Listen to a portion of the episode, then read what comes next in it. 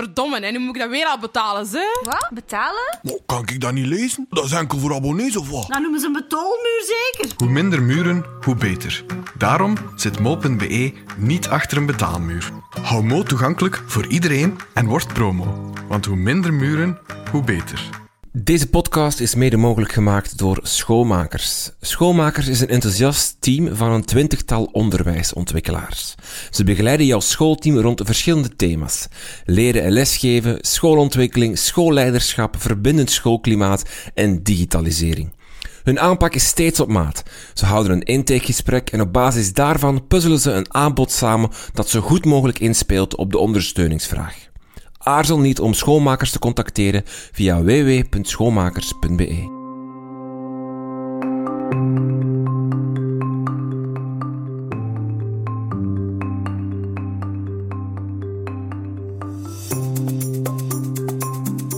Welkom bij Buiten de Krijtlijnen. Mijn naam is Renke van Hoek en dit is uw podcast over onderwijs.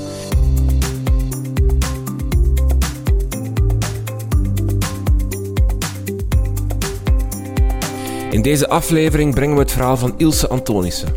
Ilse is leerkracht beeld in het Sint-Rita College in Kontig en is op dit moment bezig aan haar allerlaatste schooljaar.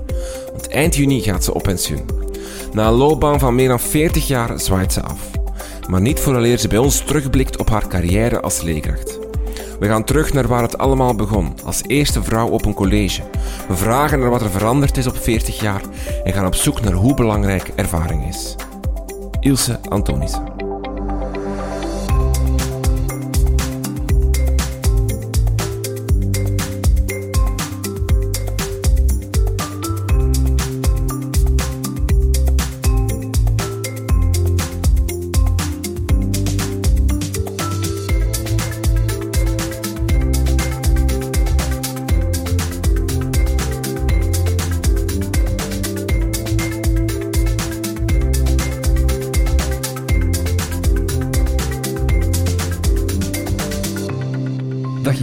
Dag Rinke.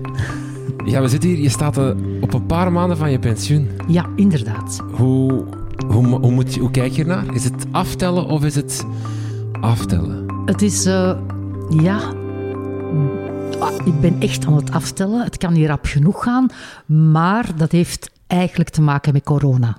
Ja. En niet met het feit dat het gewoon mijn einde van mijn loopbaan is. Je, vind je het moeilijk dat, dat dit het afscheid is? Dat, dat het met die Ja. corona-omstandigheden is? Dat ja, je zo moet absoluut. afsluiten? absoluut. Het is, eh, ik heb op dit ogenblik geen fijne contacten met leerlingen. Of toch, er zijn er natuurlijk. Hè. Er zijn Ja. altijd leuke momentjes. Maar algemeen gezien zijn mijn contacten met leerlingen op dit ogenblik echt niet tof. Eh, zij kunnen mij niet goed lezen en ik kan hen niet lezen. Het mondmasker, ja. Ja, Ehm, ja dat maakt. Ik, ik geef ook een vak waar het eh, moeilijk is om een creatief proces te begeleiden. Ja, je kunt dat al niet online voor diegene waar dat ik halftijds les aan geef. Eh, en zelfs bij de jongere leeftijd, het echt creatief begeleiden lukt me dit jaar niet goed. Zou je het fysiek nog vijf jaar kunnen doen?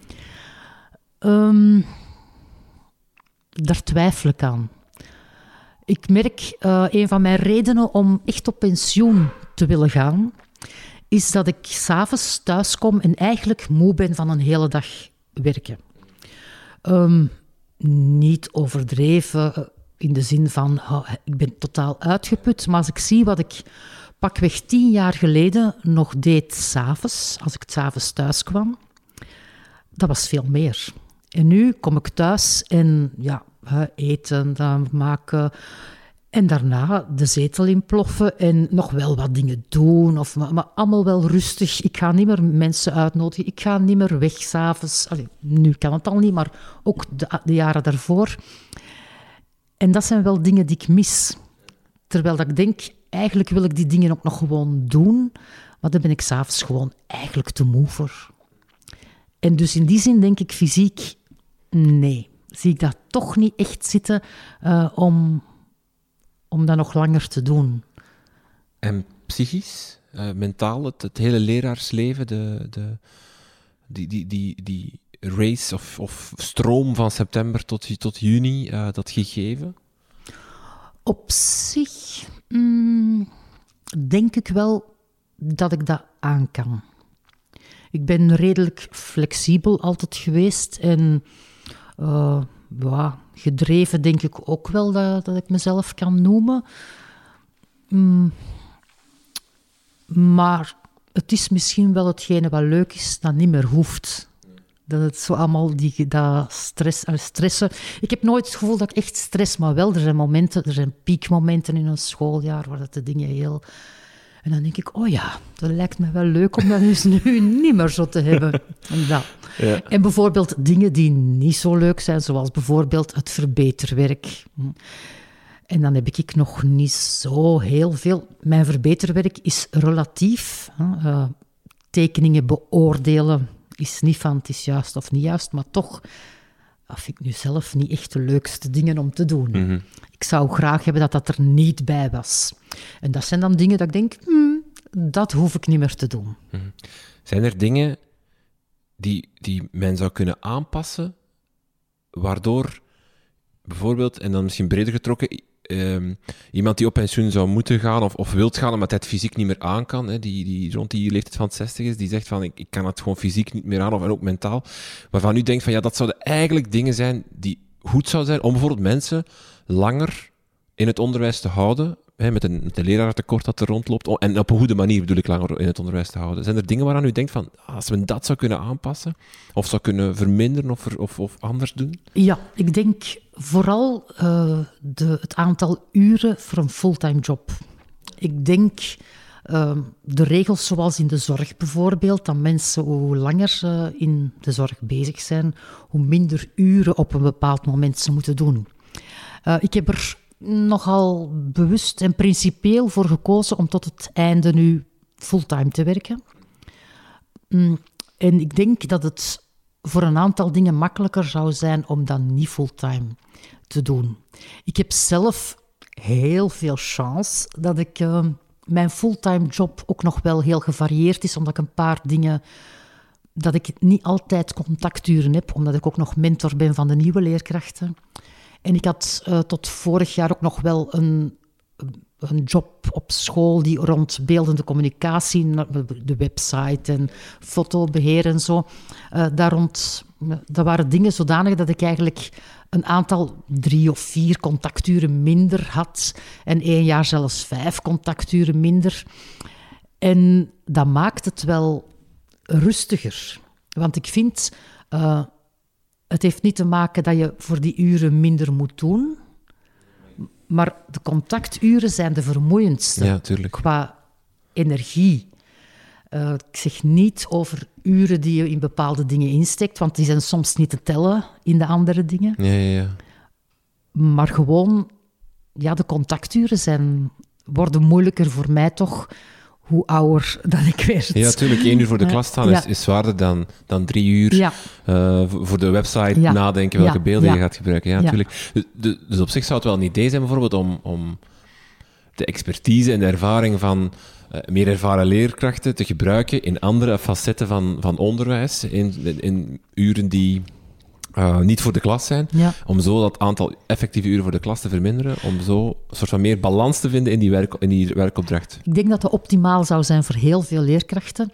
Um, natuurlijk, het moet u ook een beetje liggen, want ik denk effectief ook dat er wel mensen zijn die liever gewoon een uur voor de klas staan, dat ze weten wat ze moeten doen, dan in die andere dingen. Uh, ja, er zijn gewoon mensen die dat niet zo fijn zullen vinden, denk ik. Het probleem dat ik er direct bij zie is van. Uh, ik denk dat er niet zoveel jobs zijn voor al Ja. die oudere leerkrachten. Ja. Ik heb gewoon heel veel geluk dat ik de dingen die ik graag deed ook heb kunnen doen in mijn laatste jaren. Maar het is op zich wel inderdaad wel frappant dat je inderdaad in de zorg een, een, een, een vermindering krijgt. Hè. Dus hoe, hoe ouder je wordt, hoe meer ervaring hebt, hoe minder uren je moet werken. Wat op zich een logische tendens is, zal ik Ja. maar zeggen. Dat dat in het onderwijs eigenlijk totaal niet Nee. bestaat. Hè. Die 22 uur of die 21 uur, die blijven gewoon Ja. eh, vasthangen. Ja, en ik vind zo het, het beeld van... ehm, je hebt een, een, een, een fulltime job die zo intens en zo snel en alles gaat. En dan ga je op pensioen en dan valt dat ineens van alles naar niks. En het lijkt mij geen evidentie voor iedereen. Uh, ik zal zelf zeker niet in een zwart gat vallen. Dat, is mijn, dat gaat mijn probleem totaal niet zijn. Maar gewoon van alles naar niks vind ik eigenlijk niet oké. Hm. Want op zich zal inderdaad ook een mooi ding zijn voor, voor gepassioneerde leerkrachten om te zeggen van, ah, ik blijf nog vier uurtjes volgend jaar, pak nog één klas wiskunde of nog één klas. En, en... Ja, ik heb een collega die dat doet, hè, nu vier uur. Uh, maar hij zegt zelf toch ook wel dat hij een klein beetje zich als een toerist begint te voelen. Ja, ik denk, vier uur lijkt me heel weinig. Maar ik ben begonnen met de stelling van hoe kunnen we leerkrachten langer in het onderwijs houden. Bent u het op zich akkoord met die, die stelling van moeten we proberen om, als een van de oplossingen voor een lerarentekort, eh, maar misschien ook gewoon algemeen maatschappelijk gezien, hè, levenslang leren, langer werken, het is allemaal wel dingen die leven van. Is dat op zich een goede tendens dat we proberen om leerkrachten echt tot, tot die 65, 60, 67 in het onderwijs te houden? Ik denk zeker dat het waardevol kan zijn. Dat denk ik wel. Maar ik denk inderdaad dat ze heel goed moeten zien op welke manier. Zullen we eens even teruggaan naar het begin? Ja. Um, hoe bent u in het onderwijs terechtgekomen? Uh, het is een beetje voorspeld iets wat ik als kleinkind, echt kleinkind, ik spreek dan over lagere school. Uh, als ze mij vroegen, wat ga je worden later? Dan zei ik altijd, juf, maar alleen voor tekenen. En dat was in een periode dat ik eigenlijk niet wist dat dat bestond. Ja. Maar dat was altijd mijn antwoord. Uh, en ja, dan heb ik dat ook uiteindelijk maar gedaan. Omdat ik dat gewoon, ik vond dat een leuk. Uh, ja, ik wou wel leerkracht zijn, maar ik wou niet zo heel graag een echt studievak. Uh, maar ik, ben, ik heb wel um, die opleiding gevolgd omdat ik dat ook heel graag deed, maar vooral met het oog op lesgeven. Want ik vind van mezelf, uh, ik ben geen kunstenaar. Ik uh, kan ja, gemiddeld wat beter tekenen dan de doorsnee mens, maar ik ben zeker geen illustrator of geen. Ik, uh, het is zeker, ik ben geen kunstenaar. Maar mijn, op, mijn bedoeling is altijd geweest: ik wil kinderen hun creativiteit laten ontdekken en er iets mee doen. Ik wil ze eigenlijk altijd zo een trapje hoger brengen dan dat ze zelf weten dat ze kunnen. Dat was altijd mijn, mijn doel. En daarmee ben ik in het onderwijs in wat toen heette de richting plastische kunsten. Uh, het was ook al het enige vak dat je dan had. Er was zo geen ander vak bij. Terwijl collega's die nu die opleiding doen, hebben daar een ander vak bij. Ja, ja, ja.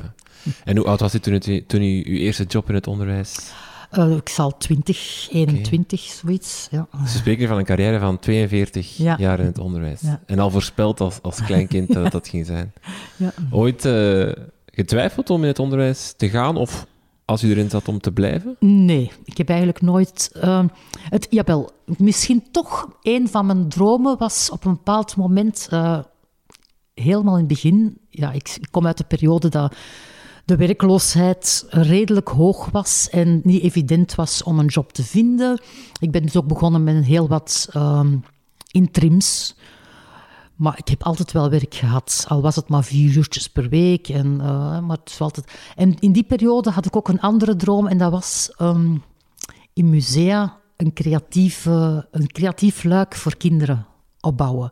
Dat was eigenlijk toen nog totaal niet aanwezig. En ik ben daar zelfs gaan onderhandelen, allee, het gaan voorstellen in het Middellijnpark bij de toenmalige mensen die daar werkten. En die vonden dat een keitof project. Maar in die tijd, spreken we over lang geleden, uh, zeiden die van... Ja, tof, goed, geweldig, maar uh, als jij dat indient, jij gaat nooit krijgen, want je komt uit de verkeerde partij. Ik ben opgeleid in een katholieke school en Antwerpen was toen zo rood als wat. en uh, ja, in die tijd was het dan ook nog zo van, ja, mensen kregen een job uh, ja. ja. vanuit de die partij. Ja.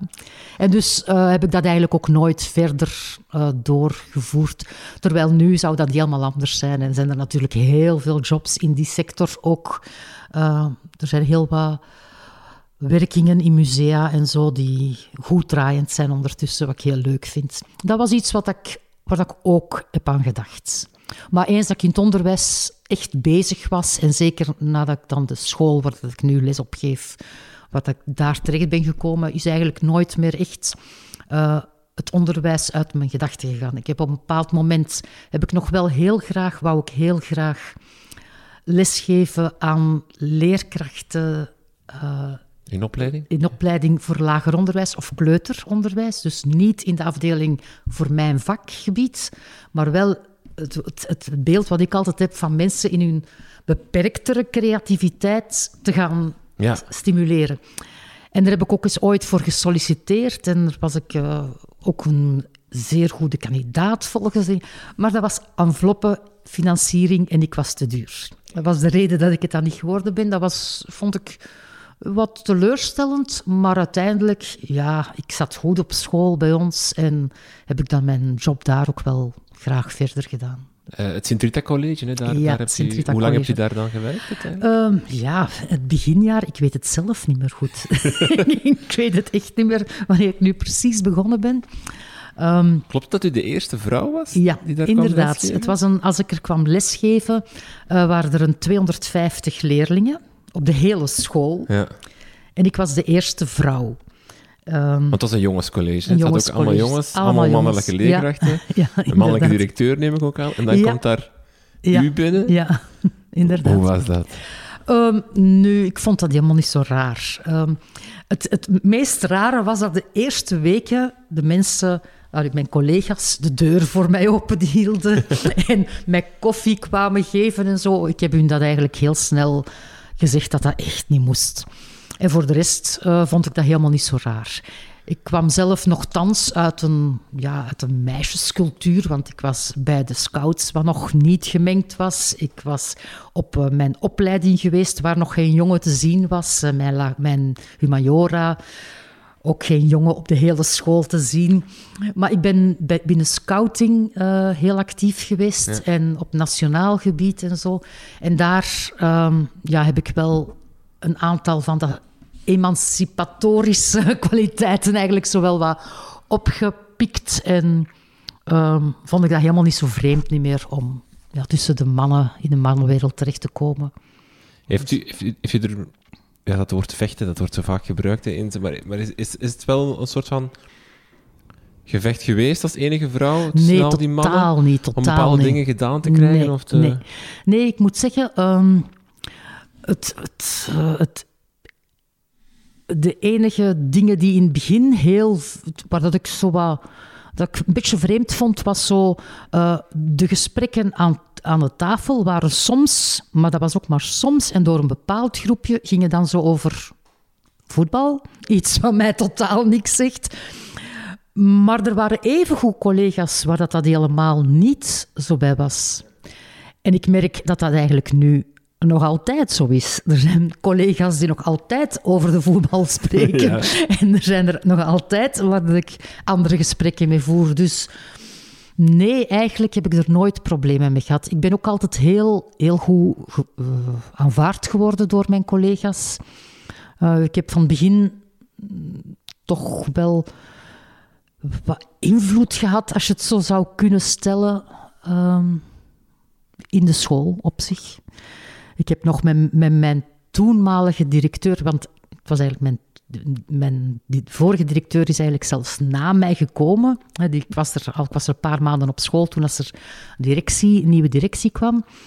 En eh, dan zijn wij samen eh, naar de vergaderingen ge- geweest om het onderwijs dan gemengd te maken Ja. in onze regio. Was dat eh, voor de hand liggend dat dat ging gebeuren? Nee, ehm, Was dat een revolutie? in het begin wel, want het, was, het, het, het is eigenlijk eh, op, ja, met, zowat met juridische dingen gebeurd. Er was zo één meisje die in onze moderne afdeling gekomen is, als enige meisje, eerste meisje, en dat moest dan ja, via juridische weg. Je moest En- dat afdwingen Ja, waarschijnlijk. ja. en eh, de school zelf heeft dat eigenlijk alleen maar ondersteund. Dus vanuit de school werd dat heel hard gewaardeerd. Want de school kon niet gemengd worden op dat moment. eh, maar ja, dat meisje heeft er eigenlijk voor gezorgd dat Ja. de school het wel kon. Ja, ja, ja. ja, En dat werd ondersteund door de school. ja. Zo, zoiets eigenlijk. En u heeft dat meegedaan aan de vergadering, omdat eigenlijk definitief, of- echt hoe- definitief hoe- te maken? Hoe, Hoe, gaan we dat dat... aanpakken en hoe zit dat? En, en dat was ook een beetje in die tijd. Ik, ben, ik was binnen scouting bezig en ik was daar ook eh, op een congres over. eh, eh, dat was dan in Straatsburg, ben ik zo, eh, eh, met alle mensen van, ja, wereld, van over heel de wereld. ehm, over de co-responsibility of men en women in leadership roles. Dus het was wel iets wat, dat- wat ik ook dan binnen scouting bijvoorbeeld mee bezig was. En wat dan toen ook wel eh, ja, actueel was. Dus het was dat was voor mij, ik rolde daar allemaal wel automatisch in. En ik vond het allemaal heel boeiend. En eh, ja, ik vond het gewoon leuk. Vindt u het een roeping, leerkracht worden? Dat is zo'n groot woord, hè, roeping. Ja, dat is een groot woord. maar voor u lijkt het wel een beetje zo. Hè? Altijd geweten dat, dat, je, dat, dat u leerkracht wil worden. Ja. PO-leerkracht eigenlijk vanaf het begin. En dat denk ik ook geworden en gebleven. En eh, altijd vanuit die, die drive en die, die, dat vuur. Ja, ja. Mm, ja, roeping. Ik, ik weet zo niet goed wat een roeping of dat, Ja. dat, wat- of dat, dat... Maar ja, het is zeker iets dat je met passie moet doen. Want Ja. ik denk, als je het niet met passie doet, dan, dan denk ik dat je het niet volhoudt. U begeleidt ook startende leerkrachten. Hè? Kan u snel zien van, dat wordt een blijver en een goeie. En die heeft niet het juiste vuur, of die, die heeft niet die roeping of die passie. Eh, ja, ik denk dat het, dat, het, dat het bij een aantal leerkrachten heel snel te zien is. Of dat het 100% maar Ja, ja, ja. dat is iets anders. Maar ik, ik, ja, ik denk wel dat ik dat kan voelen. En aan, aan wat? Of wat zijn zo dingen die voor u dat al Voor duidelijk mij, maken? en dat heeft ook te maken met de sfeer van onze school, het contact met onze leerlingen. Ehm, ik ik eh, heb eens ooit van een collega gehoord die zei van... Ja, leerlingen die moeten graag zien. En ik vond dat eigenlijk zo'n juiste, juiste uitspraak. Dat is waar, je moet je leerlingen graag zien. Want als je je leerlingen niet graag ziet, dan, kun je wat dat je, dan mogen nog zoveel passie hebben als je wilt, dan lukt het niet. En dat voelt je heel hard in een klas. Als iemand voor een klas staat van... Ziet die leerkracht die leerlingen hier graag? Dat voelde gewoon. Want dan komt er ook van de leerlingen naar de leerkracht iets. Er is een, een connectie die... Ja, wat, klikt en wat werkt. En dan denk ik, ja, oké, de vakinhoud, dat is ook belangrijk. Maar daar kun je nog aan werken. En natuurlijk ben ik dan niet altijd de juiste persoon om echt goed te zien van is dat met die vakinhoud oké, maar ik moet ook niet oordelen of dat de leerkrachten er moeten blijven. En als ik dan, eh, of mogen blijven, hè. Eh, maar als ik dan kijk naar hoe dat ik hen kan begeleiden, dan gaat het wel vaak over net die dingen die niet vakgerelateerd zijn. Want vakgerelateerde dingen die kunnen bijgestuurd worden in vakgroepen of er is directie die te horen krijgt van oeh, er loopt iets mis of die iets ziet van de examens van oei, oei, oei dat, dat klopt hier toch niet. Maar dat is iets helemaal anders. Eh, daar kan aan gewerkt worden en ja, daar moeten mensen ook flexibel in zijn, of dat ze dat doen of niet. Maar ik denk die, die eerste dingen van graag met je leerlingen bezig zijn, dat kun je wel voelen, denk ik. U heeft veel leerkrachten zien passeren waarschijnlijk. Wat is de beste leerkracht die je ooit heeft gezien? Oh, dat, vind ik, dat vind ik een heel moeilijke vraag. Daar zou ik echt niet kunnen op antwoorden direct. Ik, vind, ik heb wel een, een collega uh, waar ik onwaarschijnlijk bewonderde altijd. Het was een, een wiskundeleraar. Hè. Hij is ondertussen al een aantal jaar op pensioen. En het was echt... Het is nog altijd mijn maatje, ik kan soms met hem wandelen. Um, mm, ja, het was iemand met zo'n brede kijk op, op alles. Hij, ja... En Brede kijk als in openstaan ook voor alles? Openstaan op, voor van alles. En, maar ook, ja, hij was van alles, met alles mee, bezig. En um, hij kon ook de dingen die ingewikkeld waren heel eenvoudig uitleggen. Dat is het beeld dat ik van hem ook als leraar had. Dat is iets uh, goud toch, hè, in ja, onderwijs? Ja. Ik merk dat zelf als ik voor de klas sta, dat ik soms makkelijke dingen toch op een gegeven manier toch moeilijk gemaakt heb. Ja, of zo. ja, dat ja, ik denk van, hoe, hoe kan dit nu? Ja. Dat is uh, gigantisch moeilijk, hè? Iets makkelijk, ook makkelijk houden en simpel uitleggen. Ja, dus dat was zeker een van zijn kwaliteiten.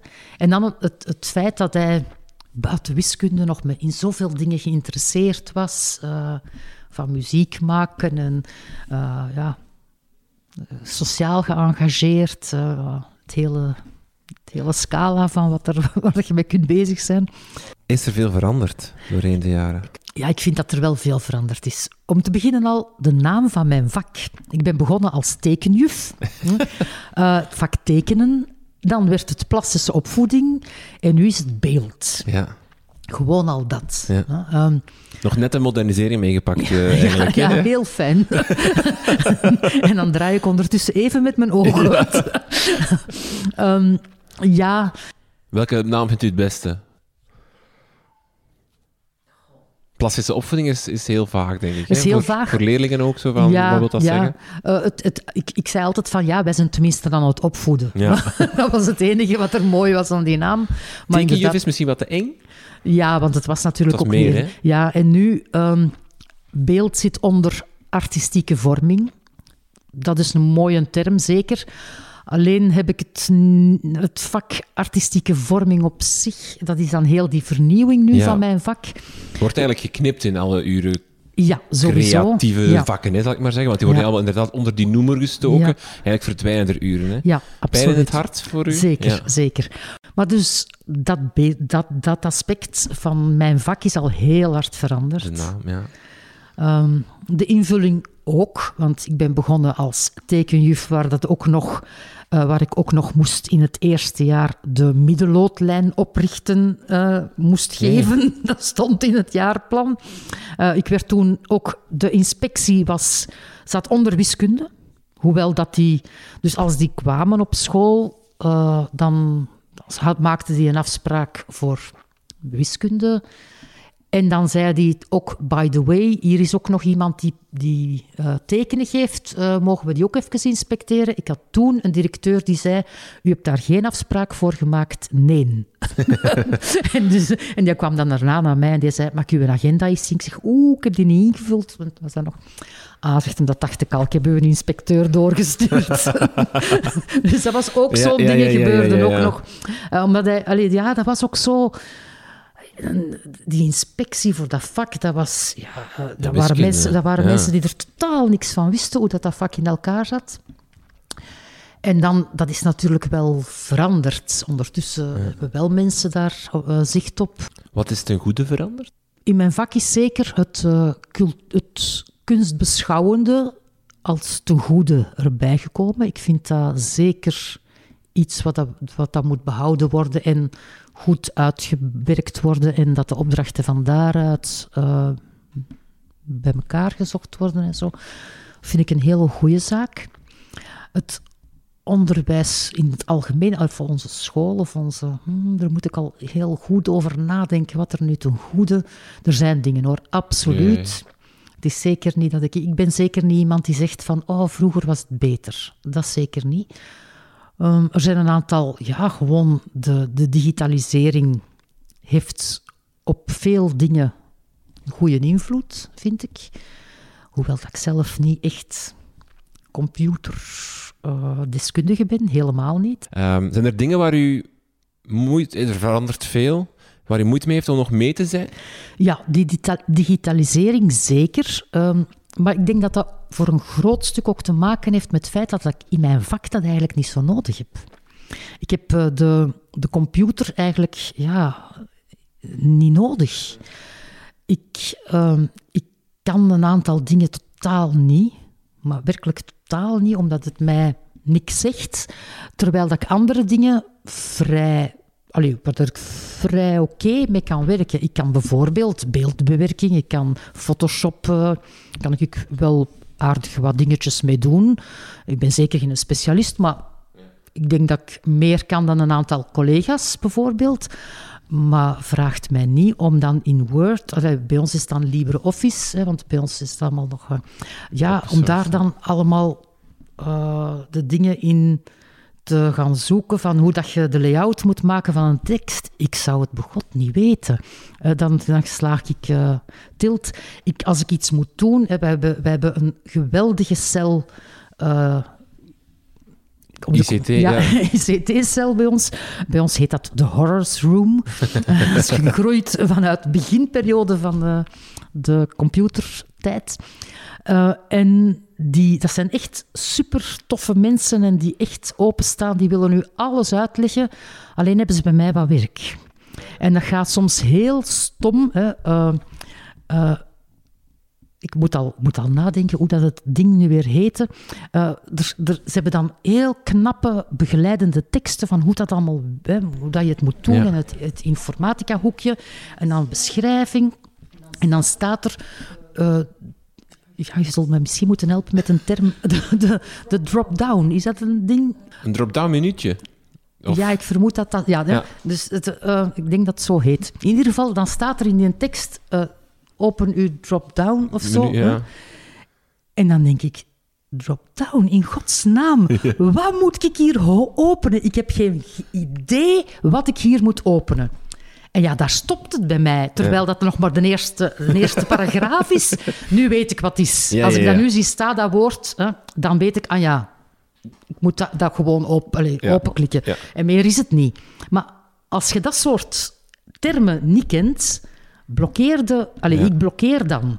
En dan zijn er mensen die zeggen, ja, maar je kunt dat toch uit, verstaan vanuit die term. En dan, als je even nadenkt, dan denk ik, ja, maar voor mij is dat te technisch. Dan, terwijl dat ik op zich een technisch iemand... Ik kan, wel, ik kan wel wat van technische dingen, maar ja, ik moet ze veel doen. Ik moet eh, de automatisering daarvan.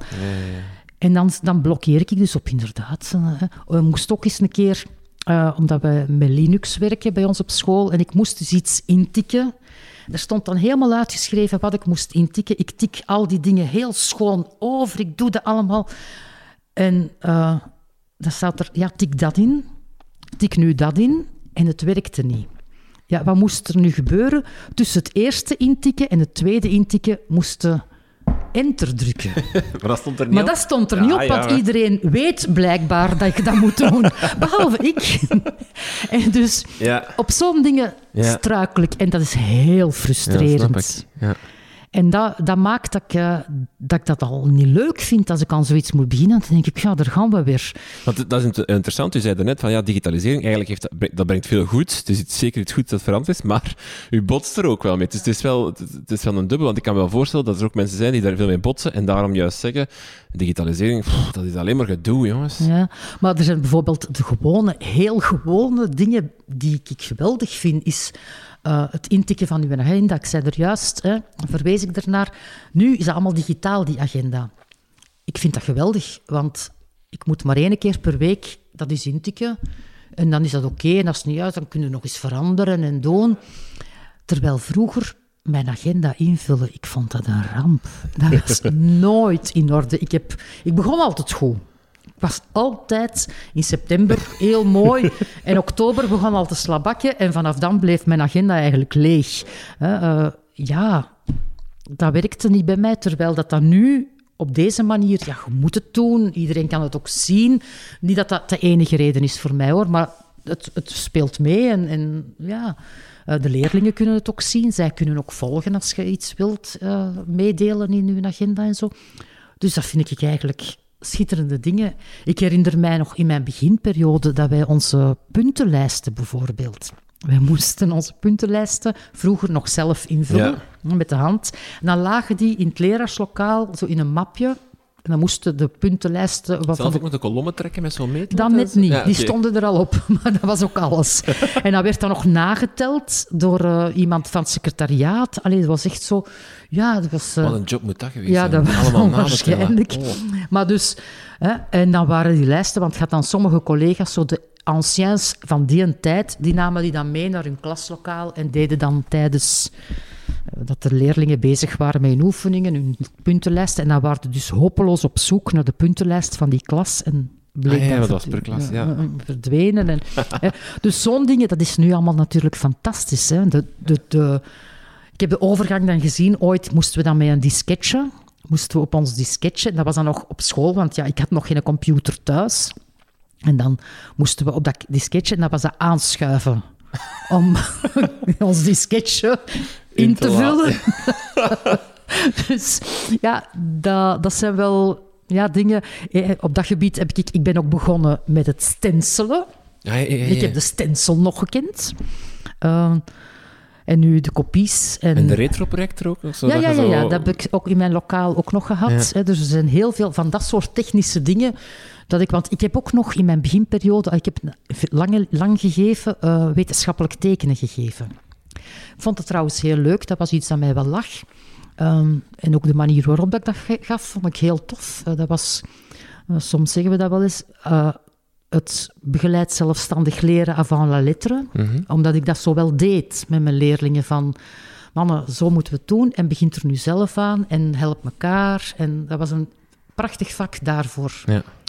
Ehm, en dat werkte ook heel goed. Zijn er dingen ten slechte veranderd? Om daar daar toch even over te hebben, ook al willen we niet gezegd hebben dat het vroeger allemaal beter was. Soms denk ik de, de kwaliteit van de echte leraar die voor de klas stond en zijn verhaal kwam doen. En zo de, de, de goede leerkracht, dat dat soms wat wegraakt. Omdat het van alles moet zijn en je moet afwisselen met, met eh, werkvormen. En, en ja, ik vind dat toch iets dat ook moet op gewaakt, nog Ja. gewaakt worden, dat dat toch nog blijft bestaan. Dat de leerkracht zijn expertise, zijn kennis gewoon kan vertellen, Ja, kan, ja. kan tonen, kan, kan doorgeven. En niet dat het eh, via een of andere werkvorm moet zijn en dan weer dat. En dan Ja. weer- ja.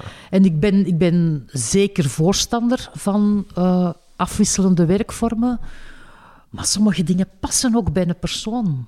Ik zie Ja. collega's van mij waar ik denk van... Oh, dat moet heerlijk zijn om die te horen vertellen. Eh, ja, dat, is, dat denk ik heel waardevol ook. En ja, ik denk dat we moeten oppassen dat we dat niet verliezen. Is de leerling veranderd? Ehm, ja, ja, zeker. Ehm, als ik naar mijn vak kijk bijvoorbeeld, vind ik dat er al heel veel evolutie is. Als ik begon les te geven, ehm tekenden leerlingen bijvoorbeeld een poes, hè, want we, doen, we deden altijd een tekendicté. En ik vind dat heel boeiend. Ik heb dat nu nog altijd gedaan hè, en ik laat ze dan een poes tekenen. U zegt een woord en zij moeten Ja, dat tekenen. zij ja. moeten dat tekenen. En dus het eerste ding is een En het eerste, de eerste jaren als ik les gaf, was dat zo'n ovaaltje met een bolletje bovenop, twee driehoekjes en een staartje. En dan tekenden 90% van de leerlingen dat zo. Dat is helemaal veranderd. Dan zijn er dan eh, plotseling konden kinderen dat wel, eh, kwamen ze van die stereotypen los, waren ze creatiever. En dat is ondertussen terug aan het veranderen. Nu hebben ze veel meer moeite met dat te doen. Ze.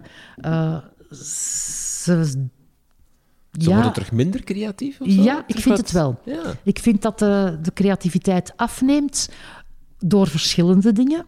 Ehm, ik, ik merk dat kinderen niet meer gewend zijn om kritiek, en dan bedoel ik zowel goede, positieve als negatieve kritiek op hun werk te krijgen. Ze zijn tegenwoordig allemaal heel hard gewend om te zeggen, om te horen van, oh, maar dat is mooi getekend. hè." Eh, wat belangrijk is. Ik denk dat dat heel belangrijk is, dat ouders hun kinderen stimuleren als ze klein zijn. Maar ze zijn niet meer gewoon nu om te horen van, ik vind het al heel goed, maar daar zouden nog aan moeten verder werken. 80% van de leerlingen zeg- zegt dan, "Wel, maar ik vind het toch wel goed al. En stoppen. Terwijl dat ik denk, ja, kom maar, allez, nu, nu moet je nog iets meer. En eh, hun gerustheid over eh, de dingen, eh, wat dat ze gemaakt hebben, vinden ze goed. Veel meer dan vroeger. Er is een periode geweest. Er zijn er natuurlijk die vinden dat ze niet kunnen tekenen en het is nooit goed wat ze Ja, doen. ja, ja. Dat hebben ze natuurlijk ook. En maar zo de, degene die. De, de doorsnee leerling is nogal rap tevreden over wat dat hij doet. En daar moeten we natuurlijk ook op inspelen om effectief te gaan zeggen van wat willen we nu? Willen we echt op dat eindresultaat werken of willen we het proces belangrijk vinden of de ervaring? En dat is zoiets dat we in ons vak wel, ehm, dat heel hard geëvolueerd is. Zo, dat ik dan ook vind van ja, we moeten dat dan inderdaad maar zien van laat ze er plezier in hebben om het eens te doen. En te zeggen van, ah ja, oh kijk. Als ik zie dat er nu eh, van de leerlingen die, die nu in het eerste jaar beginnen en ik vraag wie heeft er al geschilderd? Ja, dan zijn er nog maar... Dan, nee, dan steekt heel de klas een vinger op en dan blijkt dat, dat ze een robot hebben geknutseld en die hebben geschilderd. Eh, ja, dat hebben ze geschilderd. Als ik dan zeg, heb je al eens op een blad papier bijvoorbeeld een landschapje geschilderd of, of iets anders, een tekening geschilderd? Ja, nee, dan zijn dat degenen die op de, op de tekenschool zitten, of hier en daar iemand. Of bijvoorbeeld iemand die een leerkracht heeft gehad waar dat ze dat heel, die dat heel goed kon. En die hebben dat dan gedaan. Maar dus er zijn echt leerlingen die dat nog nooit hebben gedaan. Die nog nooit een, zoiets, een schilderijtje hebben gemaakt. En ja, dat was vroeger, had iedereen dat al gedaan. ja, ja.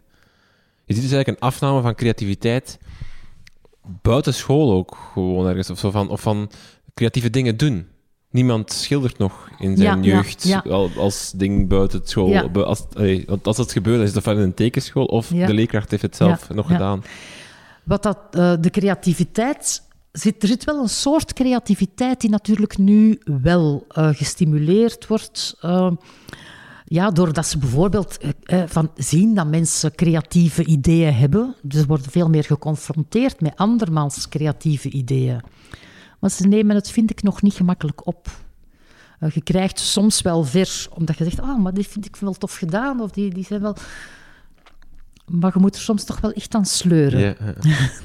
Klasmanagement gewijs, is daar veel veranderd? Ehm, voor mij persoonlijk niet zo. Ehm, ik denk, het enige wat ik nu vind met corona, is dat dat wel verandert. Ik vind dat moeilijk. Maar het, is niet, het heeft minder met in de klasse te maken, want in de klasse beginnen ze u wel wat te kennen. Maar op de speelplaats of zo, ik heb, ben nooit gewoon geweest dat ze tegen mij eigenlijk onbeleefd of ja, de manier waarop ze reageren nu, ik kende dat niet tot dit jaar. En dat, vind ik, dat vind ik bijvoorbeeld heel erg hoe dat ik nu stop. Ik heb één uur toezicht op de speelplaats.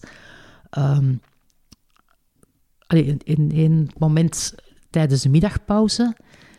En dat vind ik een marteling. Omdat ik constant ja, dingen moet zeggen en, eh, over het feit dat ze hun masker niet dragen. En, eh, en dat, ik ben de hele tijd aan het zagen. eh, en ze reageren daar ook zo op van... Terwijl ik anders iemand ben die gemakkelijk het gesprek kan aangaan als ik vind dat het niet oké is wat ze doen. En nu lopen die gesprekken niet.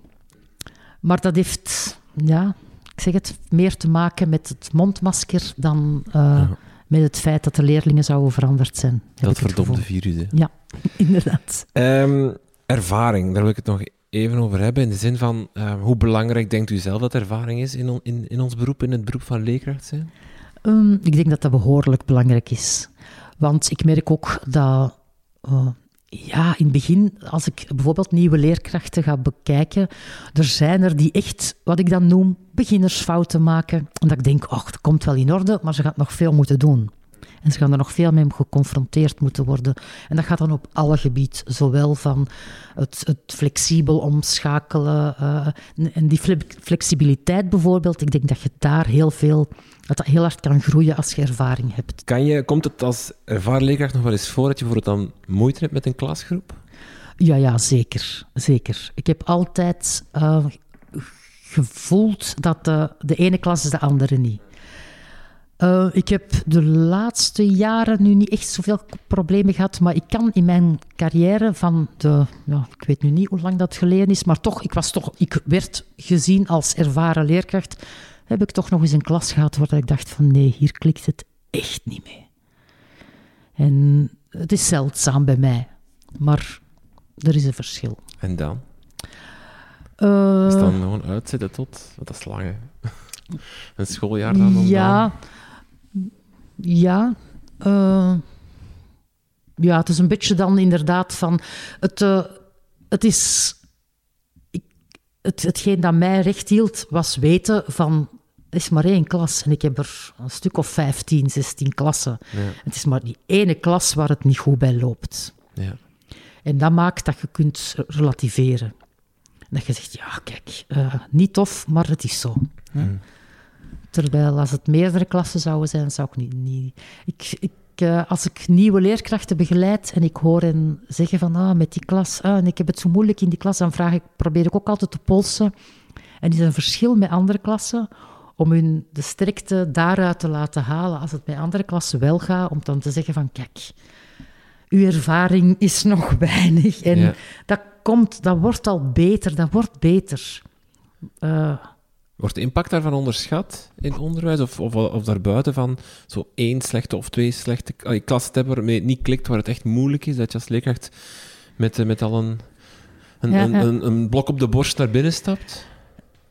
Um, ja, ik denk als, het, als mensen dat voor hebben en ze er niet over spreken, dan denk ik dat dat een groot probleem is. Mhm. Als mensen dat voor hebben en ze durven er met hun collega's over spreken, denk ik dat het veel makkelijker wordt. Want dan, dan, ja, dan heb je een solidariteit of dan weet je van, ah, bij die is dat niet of bij die is dat ook. Of uh, hoe zou dat nu komen? Dan kun je tenminste op zoek gaan aan wat dat ligt.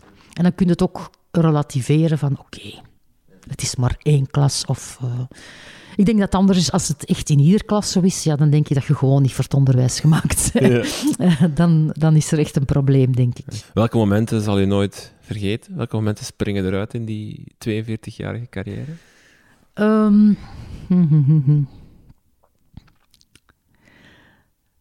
ik uh, heb altijd onwaarschijnlijk veel energie gehaald uit alle nevenactiviteiten. Zoals de eindejaarsreis. Ik ben jaren mee geweest op eindejaarsreis. De, bijvoorbeeld het vrij podium van een eerste jaar, eerste graad bij ons. Um, maar ik kan evengoed heel hard genieten van een vrij podium dat nu georganiseerd wordt door de andere mensen, dat ik niet meer ben. En dat ik denk, ja, het zit nog goed. dat heb ik nog altijd. Daar kan ik ook heel hard van genieten. Maar toch, ik, heb, ik, had, uh, ik haal veel energie uit het randgebeuren. En dat randgebeuren, ik heb dat nu nog dit jaar, heb ik dat heel sterk. Dat ik daar mijn energie moet uithalen, omdat ik vind dat... Ja, met die corona. Met mijn klassen niet loopt. Ik vind, ik heb voor december, moet ik eerlijk zeggen, zat ik diep. Vond ik het, had ik het heel, heel moeilijk. En toen heb ik voor mijn eigen gezegd, kijk, met mijn klassen gaat het niet, dan ga ik maar wat projectjes voor de collega's doen. En dan ben ik daar vol een bak in gevlogen, eh, waar dat ik zelf mijn energie uithaal. En dat is dan leuk. Ehm, ik weet niet in hoeverre u erover wil praten, maar u was op 22 maart, uh, een aantal jaar geleden, ook in Zaventem met, met, met uw school, met een aantal klassen. Moment van de aanslag. Ja.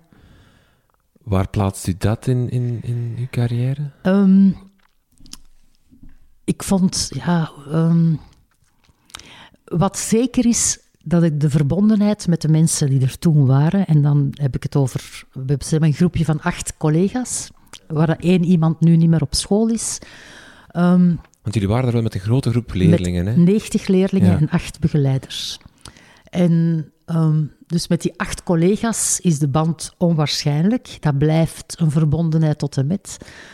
De school heeft daar voor mij toen... Het, ja, daar, daar is de de warmste, uh, de warmste manier om zoiets op te vangen, ja, hebben wij op school gekregen. Daar hebben ze heel goed voor ons gezorgd. Uh, het was een, een heel, heel goede zaak, hoe dat het allemaal gelopen is. We hebben natuurlijk eh, onwaarschijnlijk veel geluk gehad dat, er, dat we er allemaal zijn doorgekomen. Ja. We hadden een paar gekwetsten, zowel van leerlingen als leerkrachten. Uh, maar ook die dingen zijn relatief oké.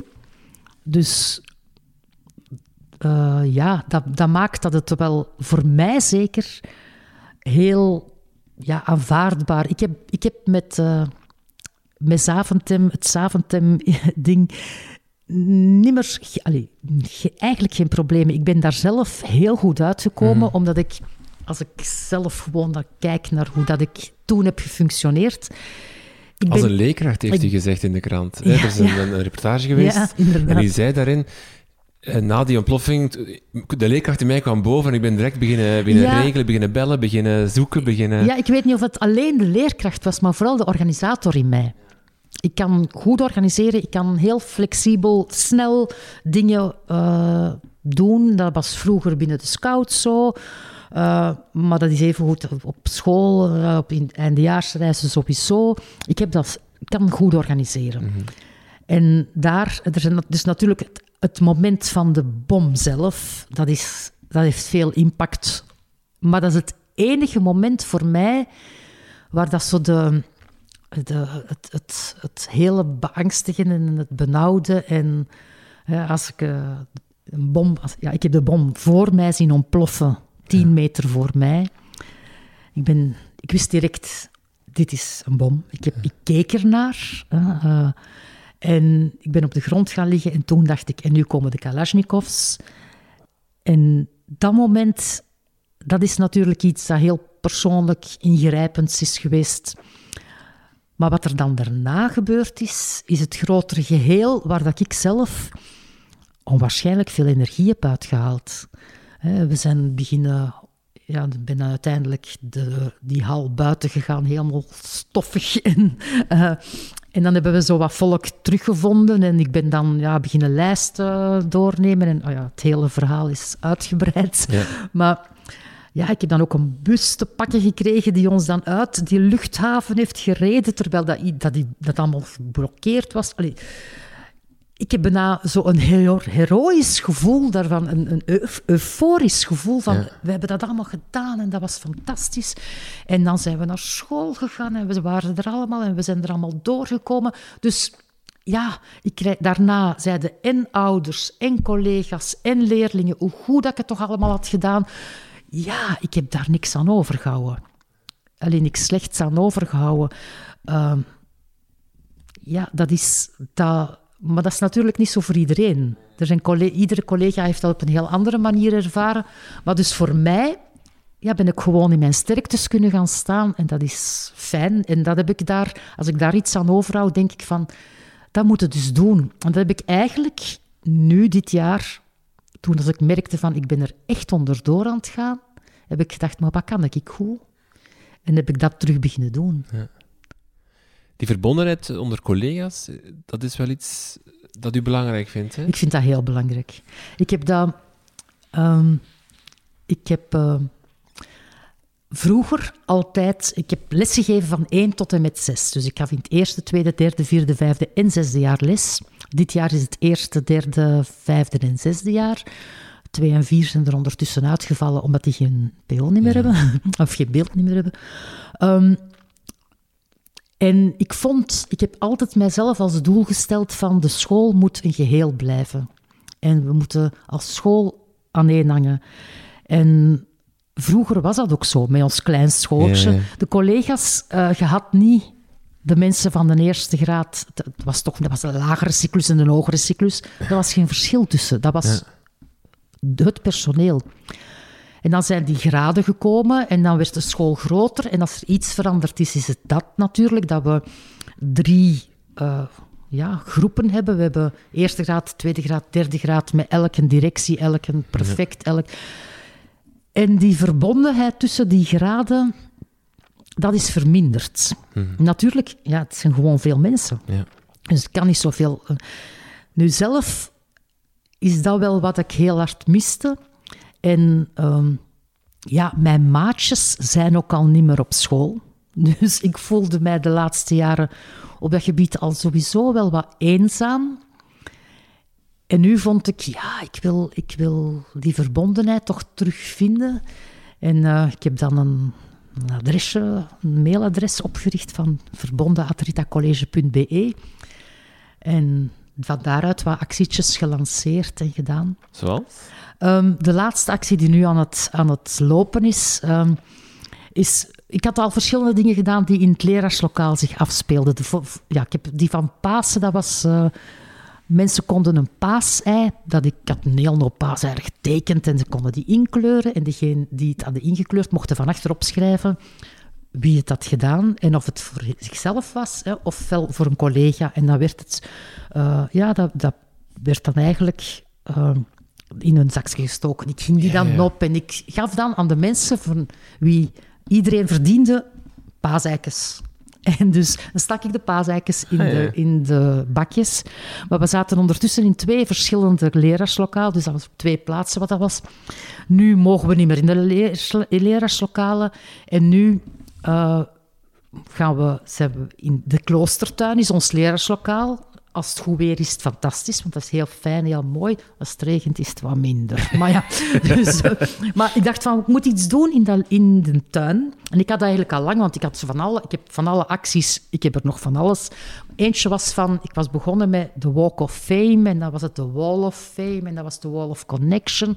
Maar ik denk, ja, die, diezelfde muren in dat leerslokaal, nee, want we komen er eigenlijk niet. Dus ik moet iets doen in de tuin. En dan dacht ik, als ik nu eens Flags of Connection neem, en dan heb ik allemaal vlaggetjes gemaakt. En iedereen mag een connectie met een andere collega doorsturen.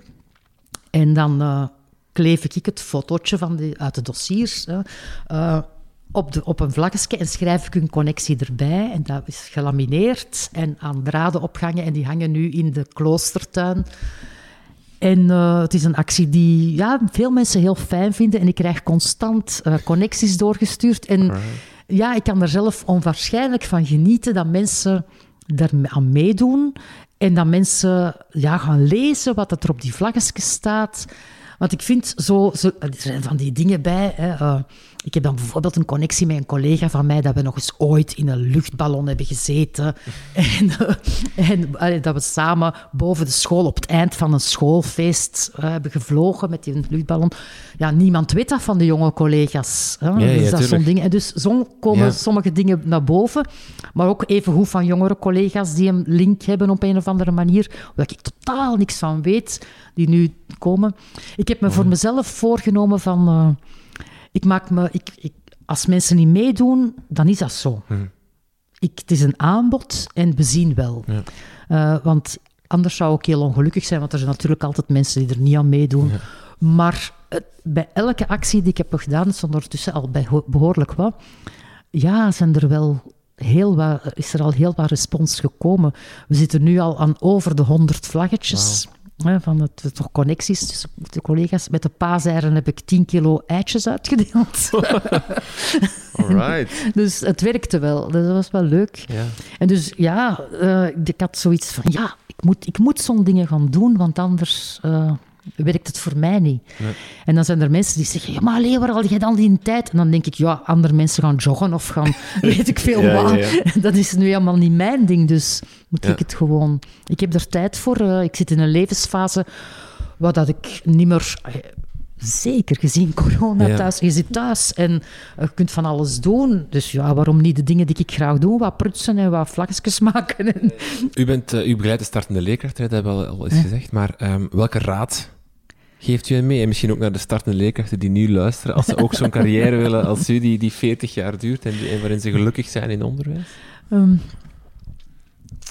de dingen, geloven in de dingen die je zelf wil doen. Ik denk dat dat heel belangrijk is. Als je eh, ja, en er ook iets voor willen, erin willen investeren, op welke manier dan ook. Eh, ja, ik denk dat dat belangrijk is. Dat je ten eerste echt gelooft in wat dat je doet. En ja, op zoek gaan naar hoe kan ik dat realiseren. En wat moet ik dan doen? Of wat moet ik dan misschien ook laten? En, want er zijn natuurlijk eh, de moeilijke dingen zijn hè, als mensen zeggen: ja, maar als ik krijg mijn, leer, mijn jaarplan niet af, is het gelukkig iets waar ik niet veel last van heb gehad. Ik denk dat er mensen zijn die daar eh, dat een, ja, dat kan heel hard belemmerend werken, denk ik. Maar ik vrees dat dat voor sommige vakken nu eenmaal de realiteit is, want die moeten het jaar erop met voorkennis ven- verder, die leerlingen. En dan is dat niet altijd gemakkelijk, dus ja. Maar ja, toch proberen te, je dromen waar te maken. Hè? De dingen die je echt wilt, daarvoor gaan. Waar gaat u zijn op 1 september? Op 1 september, Volgend, jaar, volgend wel, dat zal ervan afhangen of dat ze mij op school nog vragen voor iets heel concreets. Ehm, misschien dan daar. En hoe gaat u zich voelen? Bah, blij. Want ik, eh, ik, ja, ik denk... eh, mijn man is nog niet op pensioen. En, dus ik denk dat dat ook een verschil maakt. Eh, want misschien moesten we allebei op pensioen zijn, dan zouden we misschien ergens op vakantie zitten Ja. of zo. hè. Ja. Zeker als we deze zomer nog niet zouden kunnen gaan. Hè, eh, zou dat fijn zijn dat je dat dan in september kunt doen. Maar dat is voor hem jammer genoeg nog niet. En dus eh, ja, Genieten. ja, absoluut. Ilse, mag ik jou een zalig pensioen toewensen. Ja. En heel veel dank voor dit gesprek. Graag gedaan.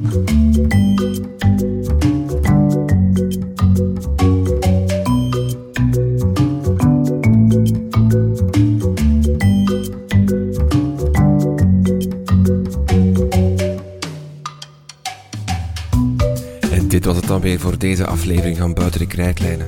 Alle info vind je op onze website www.dekrijtlijnen.be. Blijf op de hoogte van onze plannen en nieuwe afleveringen via Twitter, Facebook of Instagram. Een lijst van al onze voorgaande afleveringen vind je ook op www.dekrijtlijnen.be. Als jij het ook belangrijk vindt dat we leerkrachten kunnen blijven inspireren en dat deze gesprekken gratis beluisterd kunnen worden door iedereen die met onderwijs bezig is, overweeg dan om vriend van de show te worden van Buiten de Krijtlijnen. Dat kan via onze websites, daar kan je een donatie doen. Dat kan een eenmalige donatie zijn of ook op maandelijkse basis. Dan doneer je 2,5 euro per maand. Surf dus naar www.dekrijtlijnen.be. Haal even die bankkaart boven en steun ons. Je krijgt dan ook toegang tot onze exclusieve Facebookgroep met de andere co-teachers. Daar bespreken we de afleveringen en kan je suggesties en feedback geven. Dank voor het luisteren en tot de volgende.